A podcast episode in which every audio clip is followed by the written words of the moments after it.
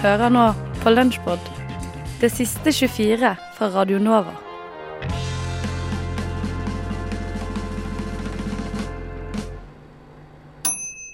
På Nova Noir så liker vi all slags type film, spesielt norsk film. All norsk film er best film. Send en norsk film til oss, gi den ti av ti.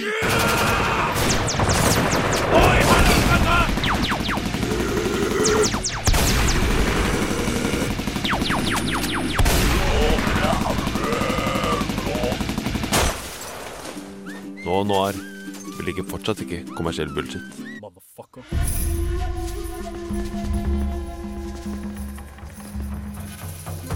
Det hendte i de dager da Bush-dynastiet ennå regjerte og ordet Obama ennå ikke betød noe for meg, at to giganter trosset havet og fant sammen i kjærlighet. Denne kjærligheten bar frukter, og i august 2005 ble den presentert for verden 110 millioner dollar tung, 12 episoder lang. Som avkom av et samarbeid mellom BBC og HBO burde Rome laget store ringer i vannet, og så vidt jeg husker, så gjorde den også det. Mitt første møte med Rome var en bakgrunnsdokumentar jeg så før serien i det hele tatt hadde begynt å gå på lufta i Norge. Og det var ikke måte på hvor imponerende Rome lovet at den selv skulle være.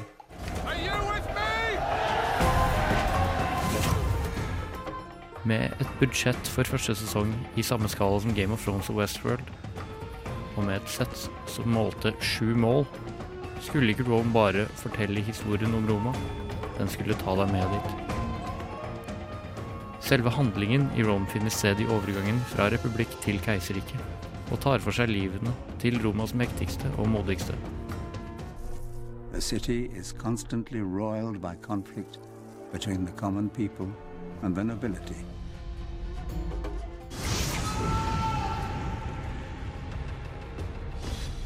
Ofte med navn hentet fra ekte historiske skikkelser, bl.a. Sharon Hines som Julius Cæsar, og Kevin McKidd som den djerve romerske offiseren Lucius Vorenus. Serien fikk i utgangspunktet en utmerket mottakelse. Høye seertall, stor mediedekning, positiv kritikk, prisbelønnelse og alt annet enn serie kan ønske seg. Caesar stands with the common people. Allikevel blir jeg i dag møtt med undrende blikk hver gang jeg nevner serien i sosiale lag.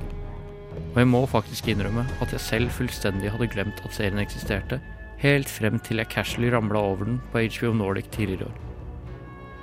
Så hva skjedde egentlig? Hvor ble det av braksuksessen Rom? Det kan ha vært dårlig timing.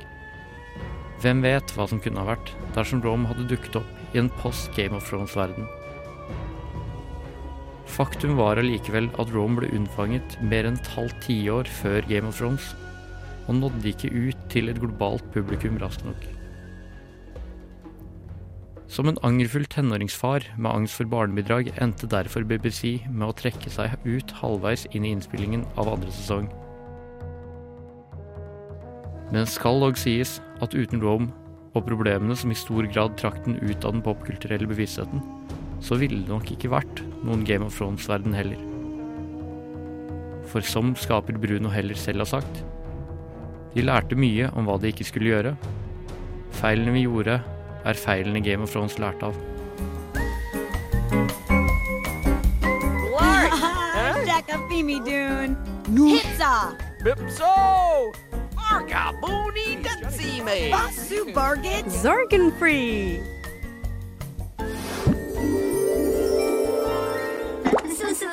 Hvor mange kjenner du som døde i krigen?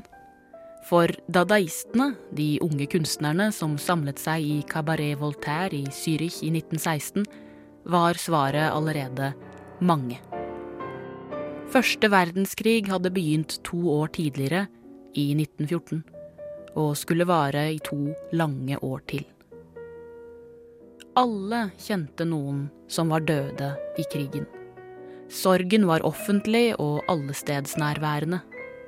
Fremskrittet, som før krigen hadde virket så svimlende og glitrende, var nå plutselig blitt skremmende og ukontrollerbart. Hvorfor hadde ingen kloke menn i dress snakket sammen og stille gjort slutt på krigen med en underskrift og et håndtrykk? Hvorfor hadde ikke arbeiderne smadret samlebåndene som brakte mitraljøser og granater til fronten? Var ikke Europa verdens elegante og rasjonelle lys? Kunstnerne i Zürich prøvde å uttrykke raseri, sorg, forvirring og frustrasjon. Men katastrofen var så enorm at det ikke fantes noe språk eller kunstnerisk uttrykk som kunne ramme den inn. Å benytte seg av den allerede etablerte kunstneriske tradisjonen, den kunsten som hang i bestestuene til politikerne som hadde sendt millioner til fronten, den kunsten som var blitt anmeldt i aviser med førstesider som jublet over krigserklæringen, den kunsten som ble kjøpt av våpenfabrikkenes eiere, å ta i bruk denne kunsten ville ikke bare vært utilstrekkelig. Det ville vært en fornærmelse. Med Hugo Ball i spissen erklærte kunstnerne i Cabaret Voltaire at de ikke lenger trodde på noe. Minst av alt på framskrittet. Dadaismen tror ikke på at kunst skal være vakker, behagelig eller engang forståelig. Ordet dada betyr ja-ja på rumensk, så-så på tysk og en fiks idé på fransk. Det ble plukket ut av ordboken på måfå, og siden det klang godt og hadde en tilknytning til flere språk, ble det sittende som navn på det som ble en svært internasjonal bevegelse. I Berlin, Köln, Paris og New York så man kunstnere som brant etter å uttrykke noe, men som opplevde at verden og verdenskrigen hadde smadret språket og kunsten som de tidligere ville hatt til rådighet. De stirrer på verden, fylt av et ustoppelig behov for å kommentere den. Løsningen blir ofte at de bruker kollasjer. Hverdagslige ting, avisutklipp, visittkort eller blikkbokser blir løftet ut av hverdagen og plassert sammen i en rasende protest mot verden, moderniteten og kunstanmelderne. Det mest kjente av disse hverdagsobjektene er kanskje Marcel Duchamps fontene fra 1917, et pissoar som Duchamp hadde kjøpt, signert og plassert på museum. Dadaismen leker med språket og vil ikke la seg definere. Dadaismen er en sint, ertende, deprimert og umoden bevegelse. Dadaismen er, kort sagt, det som vokste fram når den gamle verden tok med seg kunsten og språket og gikk til skyttergravene.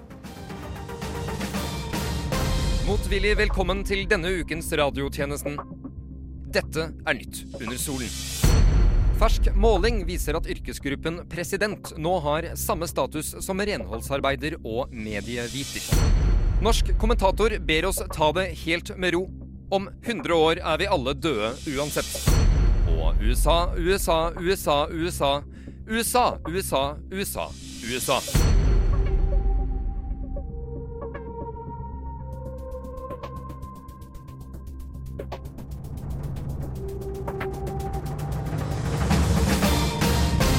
Total control. Bing, bing, bong, bong, bing, bing, bing. You know what that is, right? Og du lytter til radiotjenesten. Din vikar mens Dagsrevyen er borte og finner ut av noe greier. Mitt navn er Christian Nærum, men vi går umiddelbart til ukas hovedrett. Denne uken har det vært valg, men nå er stemmene telt opp, og det gjenstår ingen tvil om hvem som blir president. Vi snakker selvfølgelig om Nicaraguas Daniel Ortega, som ser ut til å ha fått støtte fra drøye 70% av velgerne, i konkurranse med fire mindre kjente kandidater.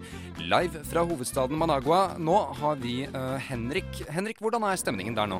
Ja, nei, Christian. Det som er trygt å si, er at dette kommer ikke som noen overraskelse. Som de fleste har fått med seg, ble det uavhengige liberale partiet fratatt retten til å stille med kandidat i dette valget. Ja, det er jo viden kjent. Ikke sant. Og uh, ja, jeg gjentar bare det folk allerede vet nå, men dette gjelder andre partier også, så det har vært et valg som etterlater mange med en litt syrlig smak i munnen. Trist at det skal være så mye kontrovers, egentlig. Ja, det er fæle saker. Så hva skjer fremover nå? Vel, Ortega sitter nok trygt, slik han har gjort lenge, og, men det uavhengige liberale partiet ønsker å bytte ut hele den nasjonale valgkommisjonen. Om det blir noe av, er det vanskelig å være sikker på. Ja, men nå sier du vel egentlig bare det helt åpenbare, Henrik? Ja, det er sant. Sorry. Men dette er ikke det eneste valget som har funnet sted i senere tid. Det har også vært et der en uavhengig mannlig kandidat gikk opp mot en kvinne godt plantet i det politiske etablissementet.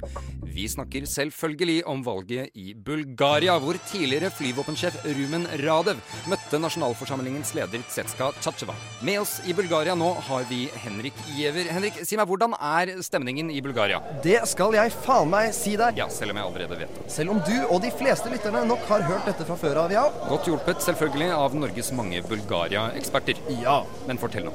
Ja, nei, altså her i Sofia, hvor jeg står, er det Radev som ser ut til å være kandidaten som går seirende ut av valget. Som vi vet. Som vi vet. Men statsminister Bojko Borisov lovet jo å trekke seg dersom hans partis kandidat, altså Tsjatsjeva, tapte valgets første omgang. Det har hun jo nå gjort, men enn så lenge ligger det fremdeles litt i lufta hvorvidt den Moskva-vennlige Radem må vente Uh, du, jeg har tre ord til deg her, uh, Henrik. Uh, hvilke da? Det er snakk om uh, no, shit og Sherlock. Ja, jeg skjønner. Ja. Det blir litt uh, smør på flesk, dette her. Alle vet jo dette fra før av. Sannheten bak sannheten. Radiotjenesten FM 99,3. Men i tillegg var det valg i USA, Amerika, The New World, Uniten, Yankeenes hjem, The Promised Land, Onkel Sam, Annerledeslandet, Stars and Stripes, Landet over dammen, The USN And we will make America great again. God bless you and good night. Ja, og så vant uh, Donald Trump. Um, dette har vi intervjuet en mann om. Jeg er ikke overraska. Det, det amerikanske presidentvalget er bare et eneste stort sirkus. Jaha? Jeg må bare le av det hele, altså. Oi, der tok armen din. Føler du deg ikke berørt? Nei, nei, nei, altså, det er typisk høyrearma mi. Det er bare sirkus fra ende til annen, altså.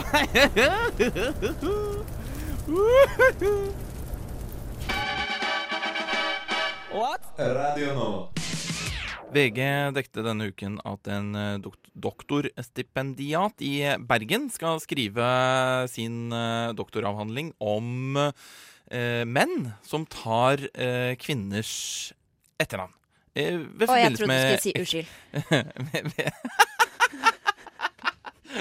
Men det, det er det jo også. Det er jo helt sikkert et, helt Sikkert godt forsket på. Ja, forsket på. og Det er sikkert mye å ta der også.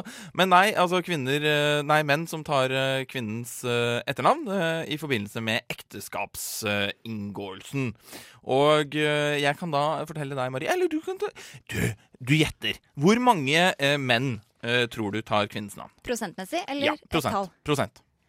Eh, 7% Du, det er veldig, veldig nærme. Er det det? Ja, det er 6% Oi, Ja. Jeg visste det var lavt. Ja, så det er fortsatt slik at uh, nå er det også noen da som ikke uh, Ikke tar noens etternavn, ja, bare beholder sitt ja. eget, ja. Uh, men det er fortsatt da et klart flertall som Som tar mannens? ta- tar manns. Har du noe prosent på det? Nei, jeg har ikke det, men jeg tror det er sånn eh, 50-ish pro eh, prosent. Ja, og det er jo en sånn eh, trend som har gått oppover i det siste, er det ikke det? At vi- blir Ja. jo mer konservative på noen sånne ting. Ja. Sånn at plutselig så er det masse jenter som bare Nei, men jeg har så lyst til å ta mannen min sitt ektenavn, fordi at man føler liksom at man hører til. Ja, sånn. ja, ikke sant? Det er, men det er litt sånn uh, at en del kvinner har plutselig lyst til å være i hjemmeværende. Altså, det Og bake cupcakes. Ja, ikke sant. Det er, ting går litt i sykluser eh, ettersom uh, hvordan vi har det som samfunn. Uh, VG eh, er jo flink på kildebruk. Og i, som en eh, stemme, da, en eh, kommentar i eh, sakens anledning, eh, så spurte de bloggeren Julianne Nygaard hva hun mente. Da Julianne Nygaard giftet seg tidligere i år, var det aldri et alternativ å ikke ta sin manns etternavn. Tilhørighet til mannen man gifter seg med er en fin og romantisk og flott greie. Jeg synes at man skal ta mannens navn uansett. Så er det jo mannen som frir og spør om hun vil på en måte bli en del av hans familie, og da syns jeg det er riktig. Å, herregud. Er Julianne 1950-tallet? Nygaard, altså eh, aka pilotfrue. Eh, altså, Å ja, vet hun tok pilotnavnet. Det var det hun tok. Hun Bare tok pilotfru. Hun bare Julianne Pilot. Det er det jeg heter nå.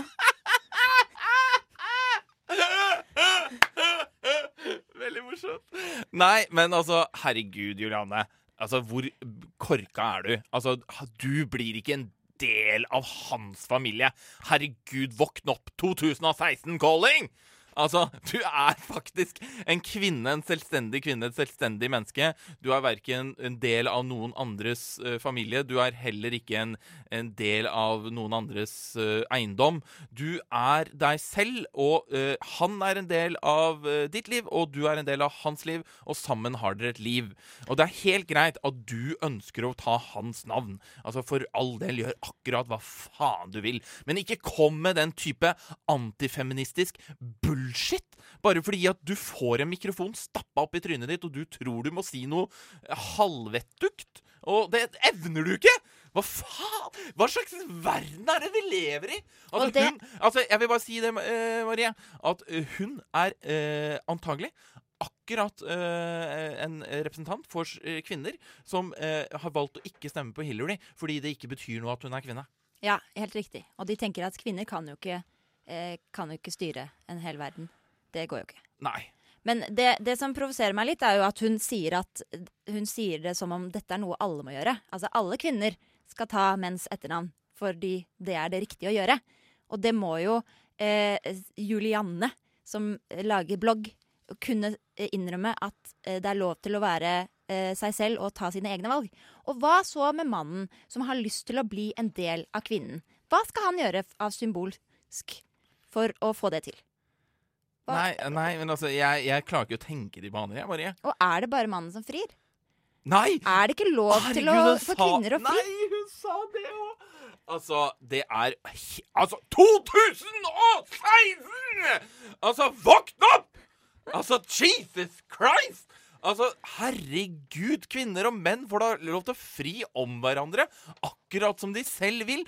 Hvor inn i granskauens korka er det mulig å bli, da? Men hvor kommer mannen eh, inn i dette bildet som har tatt eh, kvinnens etternavn?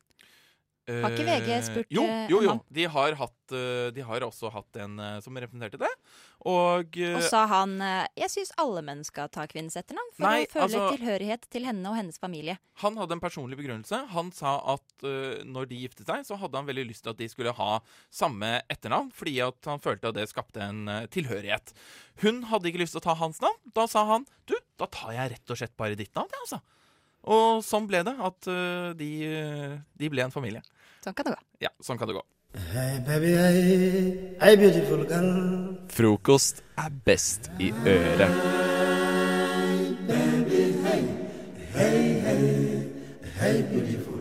Eh, det er jo sånn at hver fredag, nå heller August seg litt kaffe i bakgrunnen må bare si at vi har jo, sitter jo her og både pimper kaffe og cola. Mm. Det kom inn en fyr med cola til oss. Ja. Det er helt utrolig. Eh, brusen, ikke. En fyr. Jeg kjente han ikke. Bare... ja, det var en Radionova, da. Ja. Ja, eh, uansett, det var en liten digresjon. Eh, Anders, det er jo sånn at vi gjør noe hver fredag i frokost. ja. Hva gjør vi? Å, skal jeg si det, kanskje? Jeg kan si- jeg kan si det. OK, la oss. nei, si det du, Anders. Nei, du vil si det. Ja, OK. Eh, vi deler ut high fives. Eh, forhåpentligvis Oi, det var Der ble jeg en Han skulle aldri ut av skolen. Det der var for mye sukker og koffein. Jeg ble en liten okay. katt med en hårball.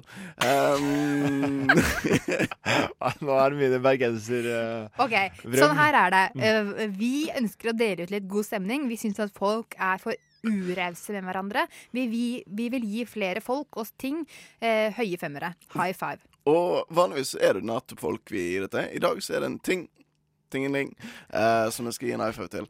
Forhåpentligvis. Uh, ja, jeg har allerede nevnt en, det, det skjer litt sånn årlig uh, at vi bruker dette. Dere var Mm. veldig inne på dager og sånt, men det er en, ting, fysisk okay, ting. Bruker det veldig ofte. Adventskalender. Nei. Jeg tenker Jeg har tatt med et klipp. Dette er fem år gammelt fra Ja. Radio Nova. Okay, hvor så dette det var er- en reportasje. Ja, og dette er uh, noe du foreslår vi skal gi high five til. Og nå- Tingen i seg sjøl. Ja, tingen i seg selv. Og nå skal August og jeg høre på det her.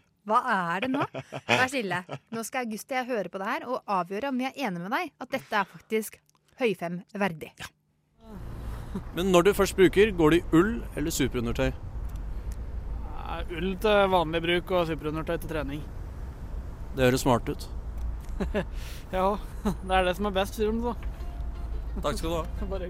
Og mens den fnisete mannen danser seg inn i solnedgangen, vandrer jeg stolt rundt i stillongsene mine og grue meg til å nisvette på forelesning. In constant sorrow through his Liker at du tok med litt eh, artig musikk på slutten der. Ja, det, det var en del av reportasjen, så følte jeg det var en sånn naturlig eh, overgang. Mm. Så du, Som du måtte kommentere. så du vil gi en høyfem til uh, Stillongsen! Stillongsen? Come on! Det er jo en fantastisk oppfinnelse! Ja, jeg er egentlig ikke uh, Fordi jeg syns det er en fin oppfinnelse, men jeg syns ikke det eh, Eller jeg syns ikke det er så fin oppfinnelse fordi det blir altfor varmt når man kommer inn. Det, og der, i den anledning, for dette har jeg tenkt å si når jeg først tar det opp Jeg vil oppfordre folk til å være litt mer åpen for at man kan skifte fra stillongs til ikke stillongs i offentlig rom. I storefri, liksom, da, for jeg føler det blir så barnehagestemning Og driver og skifter underveis. Han var underveis. storefri i barnehagen. Vet ikke. Hvordan barnehage gikk du i, August? Barnehage med storefri? Mm. Man har vel en lang pause i barnehagen også, men i hvert fall at det er for upraktisk at man skal måtte skifte. Og liksom måtte gå på do og skifte når man er 25 år. 24 år er jeg. I dag, I dag Nei, men det er det jeg sier. Ikke gå på do. Skift ut i det åpne. I dag så kom jeg her klokken eh, Skift ut i det åpne, var det du sa? kvart over seks. Det var for så vidt bare én uh, fyr her. Det var han som kom med cola til oss i sted. Men da sto jeg på lunsjrommet vårt her på Radio ja. Flekket ned buksen. Der hvor folk skal spise lunsj etterpå. Men Yes. Glidde du deg, langs ja. Men Anders- Jeg hadde bokser på meg. Anders, hvis jeg, hvis vi hadde Når vi gjør, gjør, gjør klart til møte, så Ja. kommer jeg inn, Mm. drar av meg buksa, Mm. tar av meg stillongsen. Hadde du ikke har reagert, på en måte? Hadde Hvis, ikke vært hvis du hadde hatt en truse eller noe sånt under, så hadde det vært helt innafor. Altså, Det spørs du- du hvordan går- truse er. det- det- Så det er greit Hvis du har å sånn stå offentlig med- på jobb. med På jobb. sånn- Kommer på jobb, kommer inn på kontorlandskapet, åpent kontorlandskap, kommer inn der, drar av meg buksa. Ja, men, ja, men Hvis man gjør det med overbevisning, tror jeg det kan funke. Bare sånn, ja, ja, ja, altså, da, Og med sånn da jovial eh, ja, ja, ja, ja. ja. Si, si at du er på vei til eh, strand om sommeren. Så kommer du innom eh, Radio Novas lokaler. Da går du i badetøy, liksom. Og så bare sånn, ja ja. Det får være greit. Du at badetøy og undertøy er det samme? Ja, for det er like mye tøy. Det var den perioden hvor, jeg, hvor, hvor det begynte å bli populært med boksershorts. så- sånn, Da jeg gikk i tredje klasse eller sånt. Så, nei, ja, litt, litt senere kanskje. Da husker jeg hadde bare to boksere og resten truser. Så da var det en gang eh, For jeg syntes det var veldig flaut å bruke truser. da Jeg synes det var, liksom, var veldig kult med boksere Så da husker jeg jeg brukte en gang var det, brukte sånn badebukse. Eh, som liksom så litt ut som en silkebokser, men ikke i det hele tatt, egentlig. Men August, det er veldig interessant å høre på deg og din eh, bokser versus trusehistorie. Men jeg har lyst til å gi en høyfem til eh, Anders Yes! og For stillongsen. Ja! Fordi jeg elsker stillongs, og jeg bruker det, og jeg har det på meg inne og ute. Gjerne to. Jeg, jeg gir ikke eh, stillongs uh, high five før det kommer en glidelåsløsning eller noe sånt som gjør det lettere å ta Fordi det blir som Jeg gir ikke å kle av meg i det kontorlandskapet, for jeg går alltid til kontoret. Men da kan jo du sitte der med de to bokserne og resten av trusene dine og kose deg med det. Men dette er litt sånn som krig. Jeg vil ikke være førstemann i rekken til å løpe inn i motstanderen. Jeg jeg vil at andre skal gjøre det først. Og så kan jeg komme litt bak. Så hvis du hører på, flekka deg stillongsen midt i Majorstua-krysset. Så kommer Anders etterpå. Right.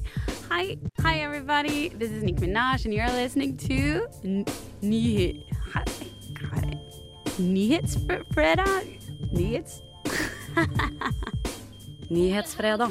Fredager klokken 11 på Radio Nova FM 99,3. Vi sitter her fortsatt i studio med Andreas Ytterstad, førsteamanuensis ved Institutt for journalistikk og mediefag, og nestleder i Concerned Scientists Norway. Eh, vi var inne på noe av problemet med klimasakens eh, Hva skal man si Mangel på journalistiske kriterier, kan man si det sånn? Ja. Ja. Det klassiske studiet er liksom Johan Galtungs studie av nyhetskriteriene. Ja, så gammelt er det her, altså, Ja. fra 60-tallet, at man miljø og klima har ikke den rette frekvensen. Det kommer ikke når vi helst vil at det skal skje, sett fra journalistikkens side. Ikke vel. Og eh, derfor så Men du, du sier jo fortsatt at det finnes god klimajournalistikk. Så hvem er det som vi skal forvente kan ta og dra dette lasset? Er det f.eks. bloggerne som ikke nødvendigvis eh, skriver for, å, for en inntekt? Er det NRK, som eh, din kollega viste kun hadde 1% av sendetida si? Jeg tror nok at det viktigste svaret på når journalistikken får mulighet til å være god på klima, den ligger utenfor journalistikken og mediene sjøl. Eh. Hva var det som var årets nyord i 2015? Jo, det var det grønne skiftet. Var det fordi at det var noen blogger, eller det var noen spesielt måte å kommunisere på? Ja, Anders Bjartnes, som fant opp begrepet, han har vært god å tvitre om eh, det grønne skiftet. Men hvorfor kom det, og hvorfor tok det av i 2015? Vel, arbeidsledigheten på Vestlandet. Ikke sant? Plutselig så begynte folk i den bransjen som har finansiert mye av den norske velferdsstaten, å miste jobben, og fremdeles miste jobben i stor skala. Titusenvis av mennesker. Og da når plutselig statsministeren sier ja, i Norge har vi vært for sent ute med det grønne skiftet, da kommer både journalister og andre politikere og bloggere og sånt i stor grad etter. Så eh, det er en av de tingene som jeg syns er spennende med utviklinga de siste årene. At nå er klima faktisk gått rett inn i si, matfatet om hvordan norsk fremtid skal være, norsk velferd skal være. Eh, men det er klart, hvordan gjør vi de koblingene? Hvordan klarer man som journalister å dekke f.eks. det grønne skiftet på en sånn måte at det ikke bare blir en sånn som bærekraftig utvikling. Sant? Det ble på 80-tallet et flott og fint ord som vi alle kan bruke, og så kan vi mene forskjellige ting med det alt ettersom. Men er det ikke, er det ikke et problem at eh, Er det ikke et problem ved medias dekning her, når du sant, Når det pekes på at Norge øker sine utslipp, Aftenposten lager en sak om hvordan vi må, eh, kan bidra til et bedre klima eller redusere utslippene, samtidig som de skriver en hyllest av oljenæringa på den andre sida. Mm. Er det ikke et ansvar som ligger, til, som ligger på mediene her, som skal ha dette samfunnsoppdraget, et informasjonsansvar overfor sine lesere? Jo, der vil nok jeg være blant de som vil svare ja på det spørsmålet. Ja, man bør ta et uh, større ansvar. Men spørsmålet er hvor, hvor sterkt kan man kreve ting av mediene som medier? Fordi medier er jo motsetningsfulle eh, i sitt vesen, sånn som jeg ser på dem. ikke sant? På hvilken måte? Nei, altså, eh, Mediene dras jo mellom de mektige kildene sine, gjennom den viktige utviklinga. Altså, la meg gi deg ett sånn forskningstall. ikke sant? Eh, amerikanske mediers dekning av København-toppmøtet i 2009 var massiv. Hundrevis av timer på TV. Mm. Hva, hva var grunnen til det? Obama kom. Mm. På, så var det toppmøte i Mexico, mye nærmere, i Cancún 2010. Og en samla mediedekning av amerikansk TV på hele klimatoppmøtet i Mexico ti sekunder. Så, altså det sier noe om på en måte i hvilken grad kan sant? De som er opptatt av klima nå, de er kanskje mest opptatt av Trump. ikke sant? Eh, fordi at det var Trump nå, og går han ut av Parisavtalen osv. Så, videre. så at mediene står ikke i en posisjon der de kan ta et ansvar helt uavhengig. Dette går jo litt imot ideologien til mediene, for hvis, mediene skal jo gjerne være helt uavhengige. Men, men, men, det tror jeg rett og slett eh, ikke går an å si. Altså. Så mediene er mangt. De er eid av forskjellige folk med forskjellige interesser. Så, så, vi må på en måte snakke mediepolitikk og, og, medieøkonomi og sånt også, før vi kan begynne å snakke om at mediene som helhet har et ansvar. Når det er sagt, så vil jeg jo si det at også store kommersielle medier, Aftenposten er et godt eksempel, har to klimakonferanser to år på rad, har tatt et helhetlig ansvar. Har prioritert det her i ganske stor grad. Så at det er mye positivt som også skjer der. Men ja, jeg prøver bare å liksom finsikte hvor kritisk jeg skal være i mediene i forhold til et realistisk bilde av hvem er nå egentlig de her mediene. Mm. Um, forskergruppe, forskergruppe du er en del av på høyskolen, uh, har et ganske bredt samarbeid på tvers av land. Mm. Uh, lurer på om du vet noe om um, om det er noen likheter, eventuelle forskjeller på måten klimasaken dekkes på tvers av land, og ulike journalistiske tradisjoner? I høyeste grad, og det er jo det som, det er litt av det som gjør at jeg kom med det forrige resonnementet. Mm. At Man ser jo det at hvor er det man fikk eh, liksom den såkalte klimaskepsisen? Hvor er det man fikk de som liksom tror at det er sola og sånt? ikke sant? Jo, og hvor har du fått en stor polarisert debatt rundt eh, eh, om vi har menneskeskapt global oppvarming eller ikke? Jo, i USA. USA sant? Og hvor er det to partier som du har to velgergruppene mener totalt forskjellige ting om menneskeskapt global oppvarming? USA. Og det er klart at Mediene reflekterer jo sånne sentrale politiske forskjeller. Mm. På samme måte som i Norge så, så, så reflekterer det noe ut av eh, si, de grunnleggende forholdene med norsk olje- og klimapolitikk. F.eks. at vi gjerne snakker om eh, klima, men ikke samtidig som vi snakker med olje. Det, vi har en klimamelding, vi har en oljemelding, men de snakker ikke sammen. Og det er en del av det norske eh, systemet, rett og slett. Og med det så sier vi takk til Andreas Ytterstad. Takk for at du kom. Si takk og si ja, og bli med oss og klipp. Nei, vi har ikke tid, for vi må høre på Skallebank. Vi har ikke tid, for vi må høre på Skallebank hver fredag halv ett. Hei alle sammen. Hjertelig velkommen hit til Slurpen og årets julebord i Hurtigruta Karglass. Hey! Tusen takk til eh, Tusen takk til Markus på regnskap for den eh, flotte, flotte introen. Eh, For helvete, man! Her var vi igjen. Svensken. Dansken. Norsken. Det har skjedd litt av hvert med oss gutta opp gjennom åra. Ja, det har det. For. Ganske mange absurde situasjoner for tre menn fra tre nasjonaliteter å havne i. Ja. Det som eh, Ganske ekstremt. Ja. Um, Men eh, dansken, du har vel ikke noen eh, eventyr som du husker ekstra godt? Et og annet, da. Vi har jo opplevd mye opp gjennom åra. Og det er kanskje noen som husker den gangen vi var i, var i jungelen? Hæ? Er det noen som gjør det, eller? Noen som husker? Hæ? Er det noen som har lyst til å høre om det? Ja. OK. Ok, yeah. okay vi kjører. Eh, nei, shit, herregud. Hei, vi er ute i jungelen. Hei, gutta. Hva gjør vi her i jungelen? Ah, Har vi gått oss vill? Er det Amazonas? Men hva er denne stammen med afrikanske krigere som kommer mot oss? Hjelp, jeg håper ikke de prøver å skade meg, svensken eller dansken eller norsken. Og de har spyd. Å nei, de tar oss til fange. Hjelp, hjelp. Å nei, de holder altfor hardt rundt oss. Oi, det er nesten som å være på, på Alexander Kiellands plass en sen lørdag natt. La meg Å nei, å være ensom jente. Å, jeg blir holdt fast. Nei. La meg prøve å oversette stammespråket hans.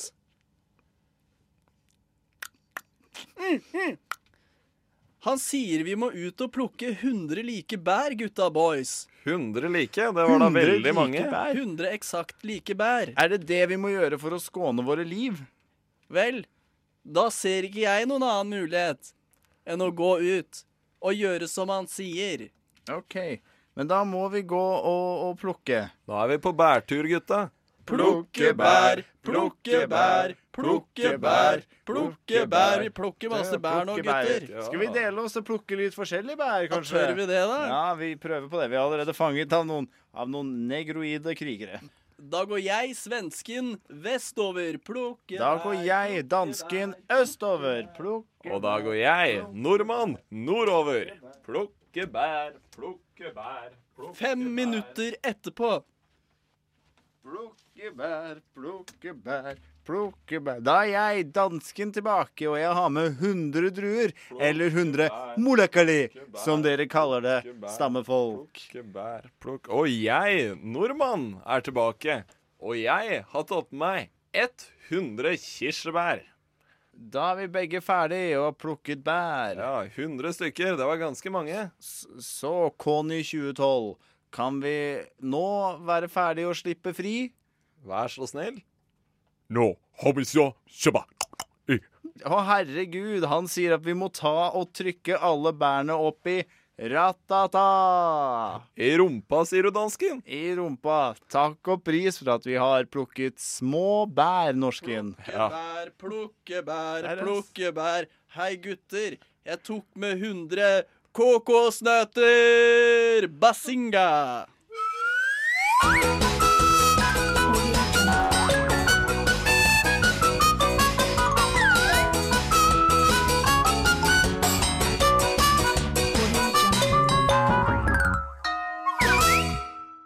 Takk, takk, takk, takk. Ja, det var eh, litt av et eventyr det, gutter. Men det er jo ikke første gang vi har reist utenomlands.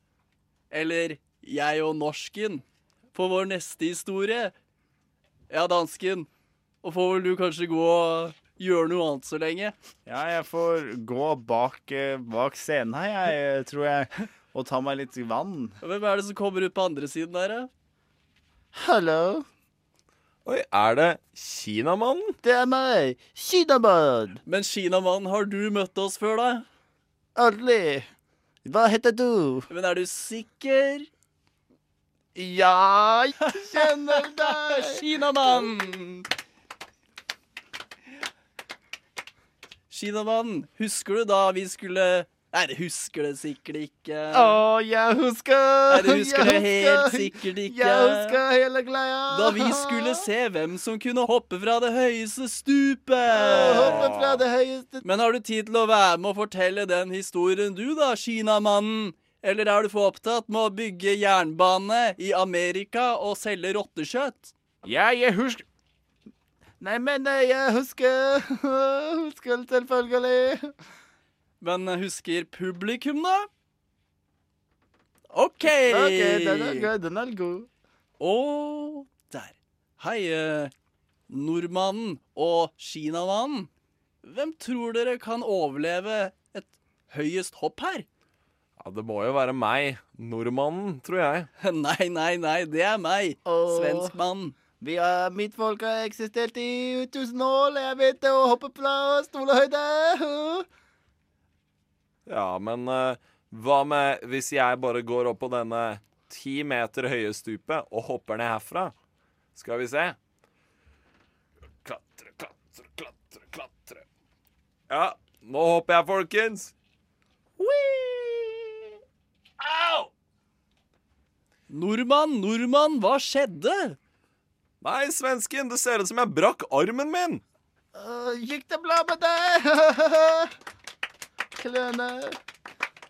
Vel, da er det min tur. Og jeg, svensken, kan vel ikke være noe verre. Nei, derimot bedre. Jeg skal hoppe fra 40 meter.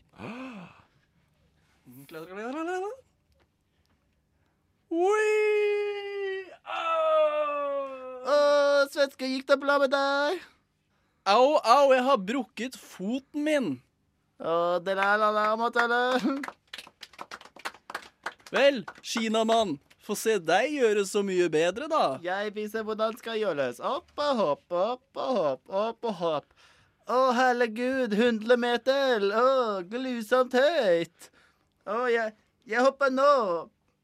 Å, Å, å, jeg denne ching-chong, I broke my ding-dong.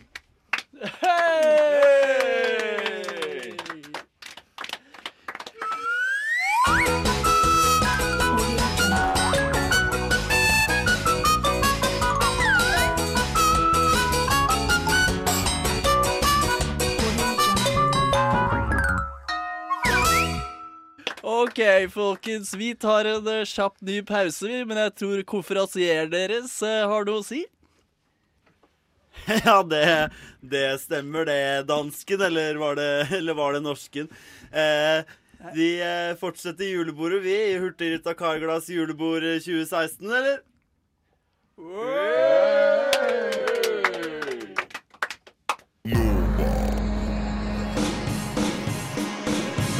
Du har hørt en podkast fra Radio Nova.